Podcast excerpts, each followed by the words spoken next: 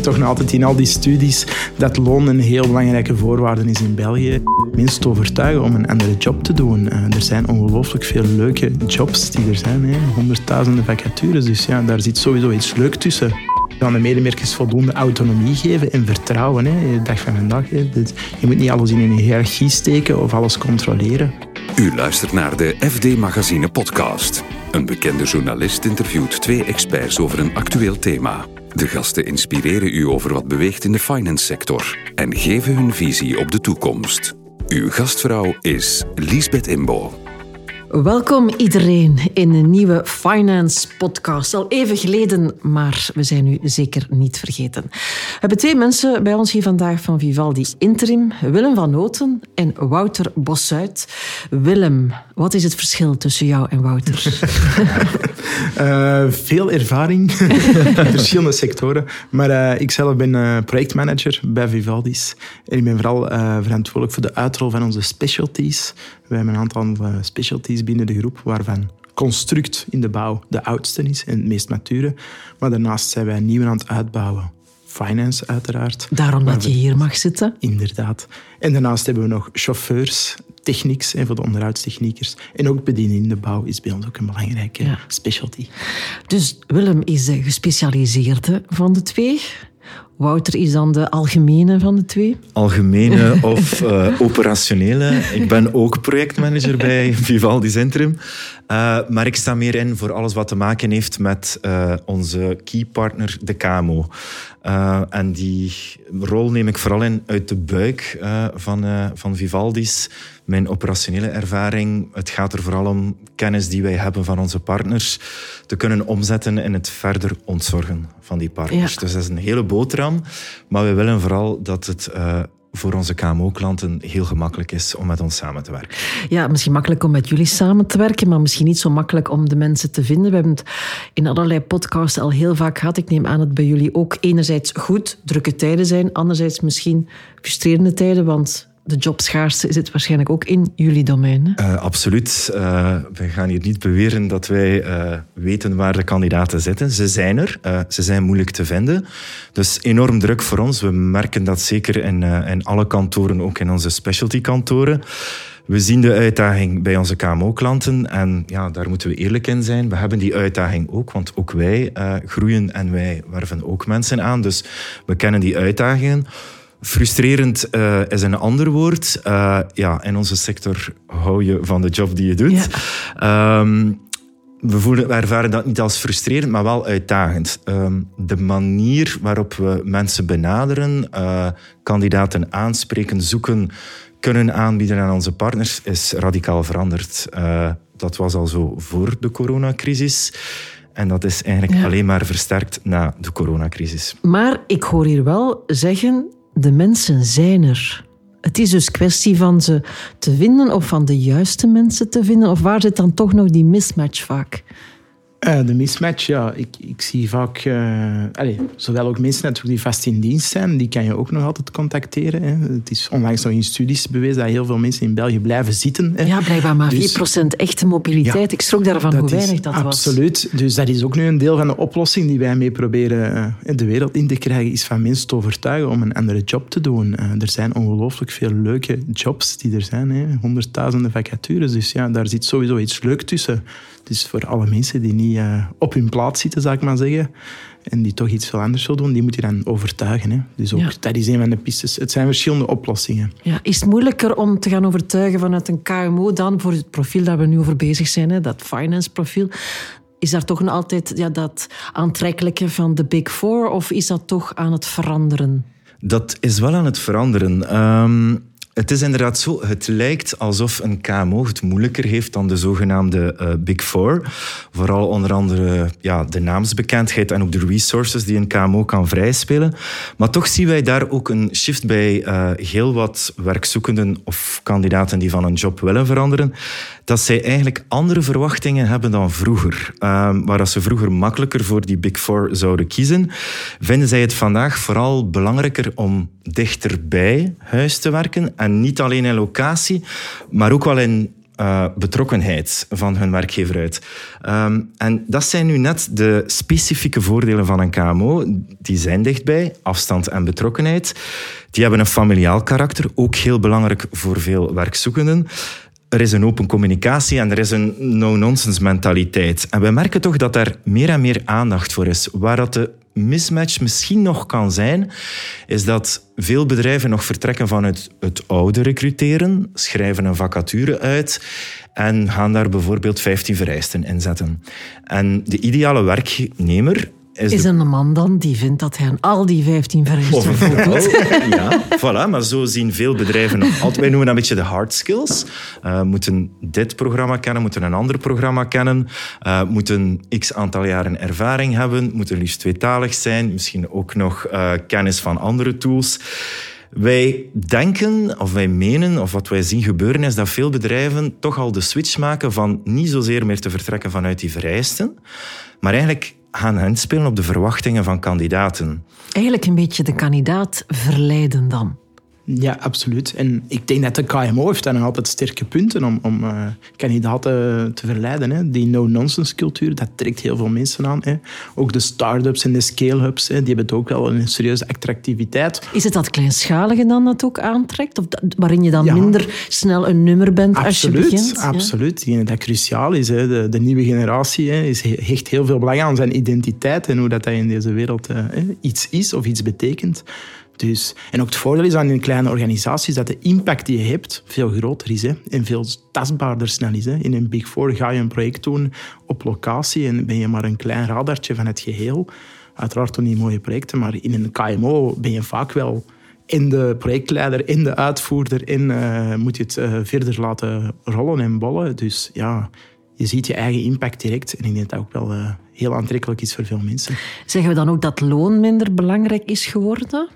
Dat durf ik absoluut niet stellen. Dat is, ja, allez, ik, ben dan meer het uh, theoretische van ons twee. Ik zie toch nog altijd in al die studies dat loon een heel belangrijke voorwaarde is in België. En uh, minder verdienen, dat, dat blijft pijn doen bij de mensen, wat begrijpelijk is. Het. Dus, uh, dus ik denk dat, dat, toch, dat we dat niet mogen denken of moeten we niet naïef in zijn. Ja, want ik kan me inbeelden, de kunnen misschien wel aangezien er zo nood is aan iedereen, wel met, op dat vlak met een aantal incentives meer verleiden? Of waar ligt het dan toch in dat men toch voor die KMO gaat kiezen? Nabijheid. Nabijheid. Nabijheid, ja. De kerktoren is terug. Ja, uh, zeker gezien de, de huidige situatie. Is dat echt door corona? Ja, en ook door de energiecrisis die we nu misschien kennen. Ja, dan kunnen wel veel voordelen verbonden zijn aan een job op een verre locatie, het fileleed. Uh, al dan niet de kost van, uh, van de benzine of de diesel. Uh, en ja, dat heeft corona wel gemaakt. Hè. Veel mensen zijn toen thuisgezet geweest, hè, of van thuis uit werken of even niet werken.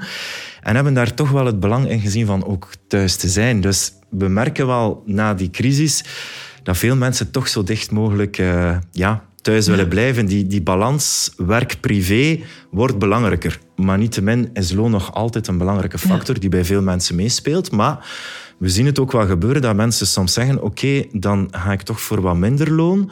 Maar de quick win zit hem in de nabijheid. Ik ben sneller thuis bij mijn kinderen. Voor, ik kan meer tijd vrijmaken voor mijn gezin, omdat ik niet meer dat uur moet rijden voor dan misschien die job die meer betaalt. Ja. Dus het, het speelt wel mee. Als ik even mag een voorbeeld geven, Tuurlijk, dat zo'n situatie wel schetst. Um, heel recent, en het is een finance voorbeeld ook van onze niche, uh, ons kantoor uit Brugge. We hadden een, een klant, we hebben een, een goede klant, een KMO in de schoonmaaksector.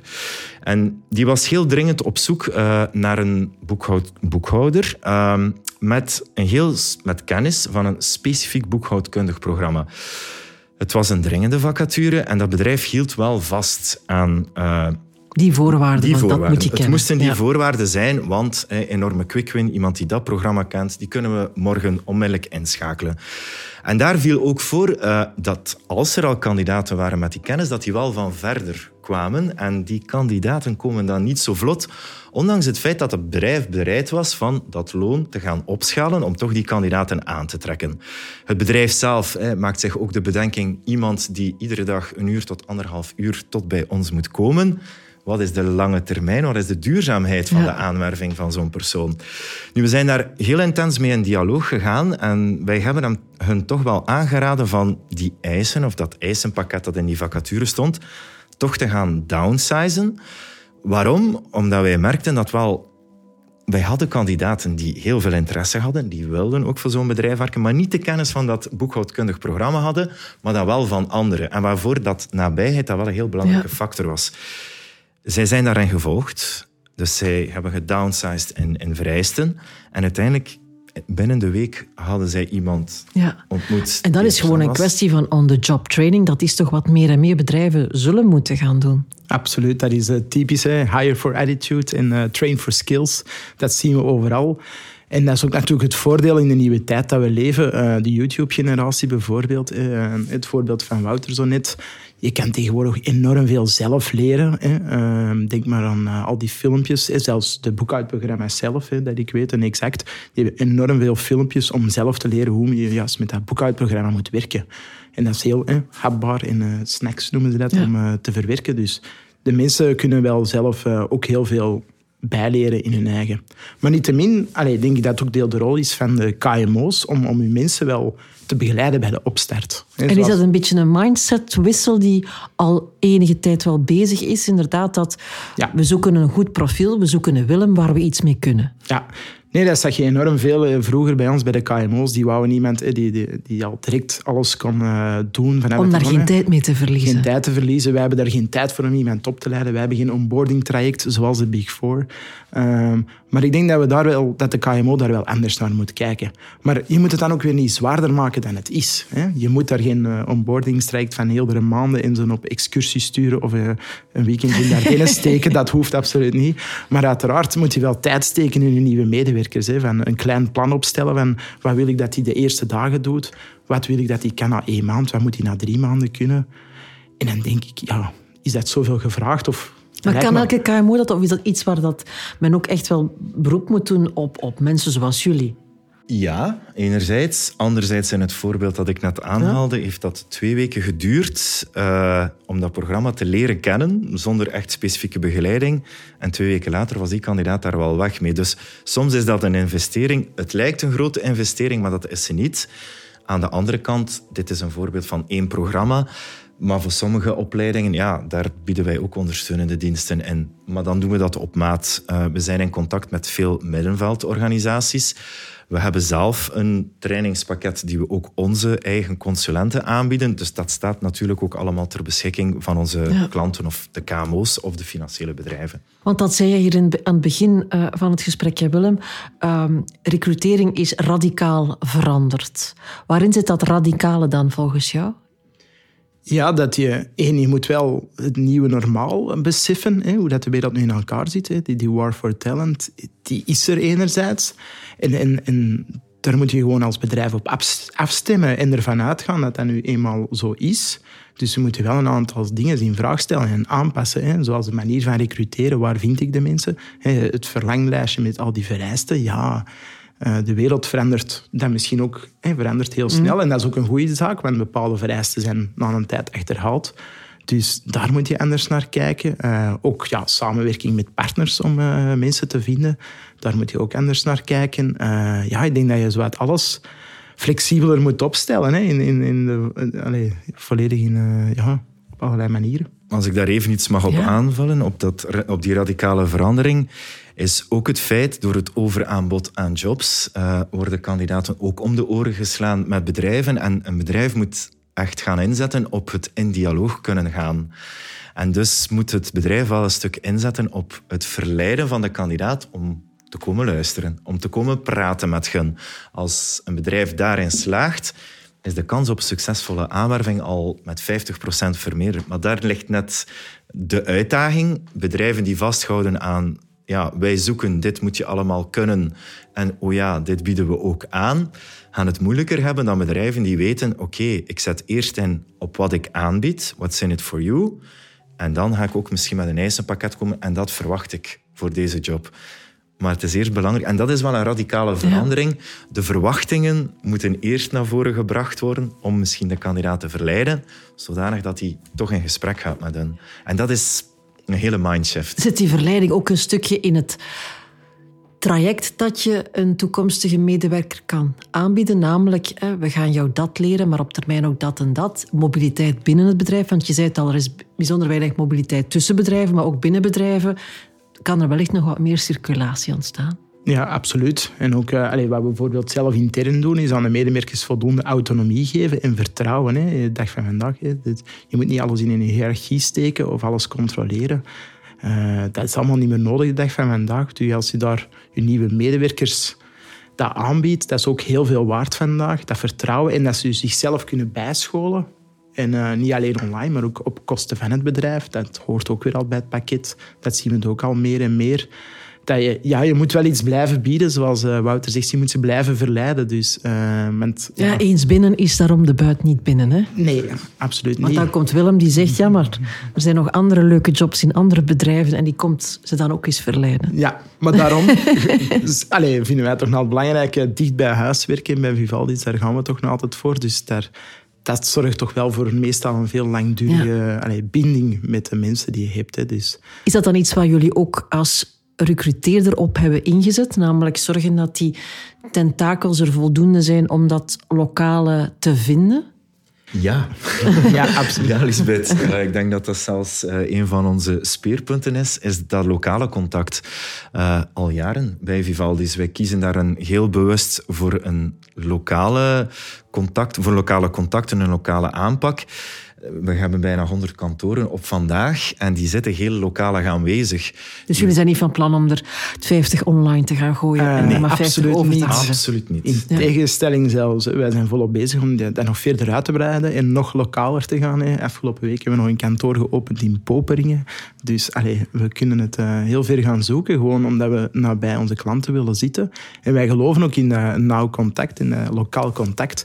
Wij vinden dat gewoon ook heel duurzaam. Mensen die dicht bij elkaar zitten. Het, het, het leed is er nu gewoon eenmaal en het gaat er niet beter op worden. Dus. Is dat lokale ook nationaal dan verbonden met elkaar? Ik bedoel, als je inderdaad, jij bent dan, om het nu over te hebben, op zoek naar die ene boekhouder die dat mhm. ene programma kent.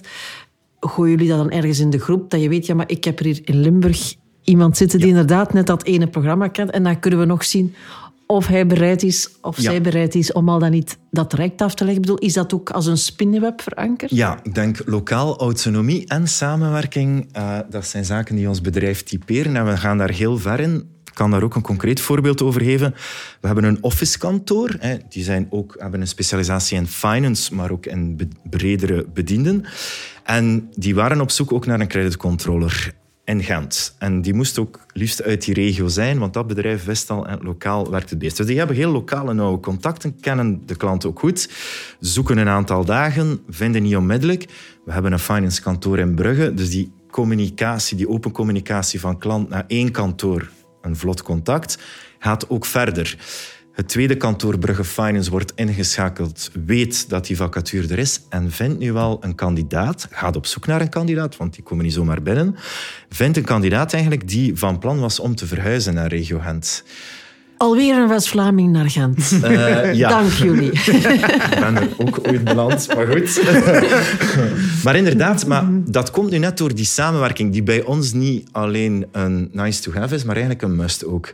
We weten dat dat werkt. Uh, dat maakt het voor bedrijven ook makkelijk. Je spreekt met een lokaal contact bij Vivaldi's, maar eigenlijk staan er honderd kantoren klaar als dat nodig is om de juiste kandidaat te vinden. Is de ironie ook niet dat we een paar jaar geleden allemaal dachten. Um, ja, digitalisatie gaat alles op, overnemen. Hè. Deze job gaat verdwijnen, deze job. Er zijn krantenartikels genoeg ja. overgeschreven. Allemaal mensen die in de krant lazen dat ze eigenlijk nutteloos werden op termijn. Nu zijn we zo overal aan het zoeken. Absoluut, dat, is, eh, dat zien we overal, die trend, hè, in elke sector wel. Ehm, en ook daar, dat is een nieuwe realiteit, maar ook daar zie ik opportuniteiten in. Want ik denk dat voor de meeste mensen ook op lange termijn een job alleen betekenisvoller gaat zijn. Hè. Zien ze dat zelf ook zo? Niet altijd. En dan zeker in de finance-wereld, want ook de, de boekhoudkantoren of de back-office werden vaak gedoemd al de bank achterna te gaan. Je zegt, je neemt een boekhoudprogramma en weg met de boekhouder. Dat is niet gebleken. Hè? Nee, zeker niet. Integendeel. Maar het is wel de bedoeling, en, en dat zie je in de markt, dat natuurlijk de boekhouder zijn positie of zijn, zijn, zijn impact op de business juist gaat verhogen omdat hij minder moet bezig zijn met de repetitieve taken van elke dag in het inboeken. Want dat kunnen we natuurlijk allemaal automatiseren. Maar natuurlijk, het, het strategisch advies of fiscaal advies of uh, cashflow advies dat je geeft aan, aan, de, aan de CEO's of aan de bedrijfsleiders, ja, dat wordt, daar heb je des te meer tijd voor. Hè. En ik denk dat dat dan ook de bedoeling is en dat is de meerwaarde die er dan is. Ja, en ook jullie hebben ze nog niet kunnen digitaliseren. Nee, dat is het leuke. We zegt willen met een stralende glimlach voor de mensen die het niet kunnen zien. Wij zitten, in, ja, wij zitten in de sector van de mensen, dus wij doen alles met mensen. Dus uh, we kunnen heel veel digitaliseren bij ons. Ook daar is de digitaliseringsgolf ongelooflijk. Daar heb ik wel wat in mijn verleden al wat gezien. Maar ja, het, het blijft er toch bij dat wij toch een, in alle chance een, een toegevoegde waarde kunnen bieden. Door die mismatch en, die er is en, en het advies dat we nog kunnen geven om anders te recruteren aan bedrijven. Dus, ja. ja. dus ik heb vooral begrepen van als bedrijf, doe die oogkleppen weg en kijk gewoon ruim en ga op zoek naar de beste Wouter of Willem uit de buurt. Hè. Het lokale is belangrijk. En de Big Four, eh, die moeten ook misschien eens beginnen nadenken, want die KMO, eh, die staat wel klaar om al dat talent binnen te rijven. Willem en Wouter, hartelijk dank. En u natuurlijk ook om deze podcast helemaal tot het gaatje te beluisteren. Graag tot de volgende.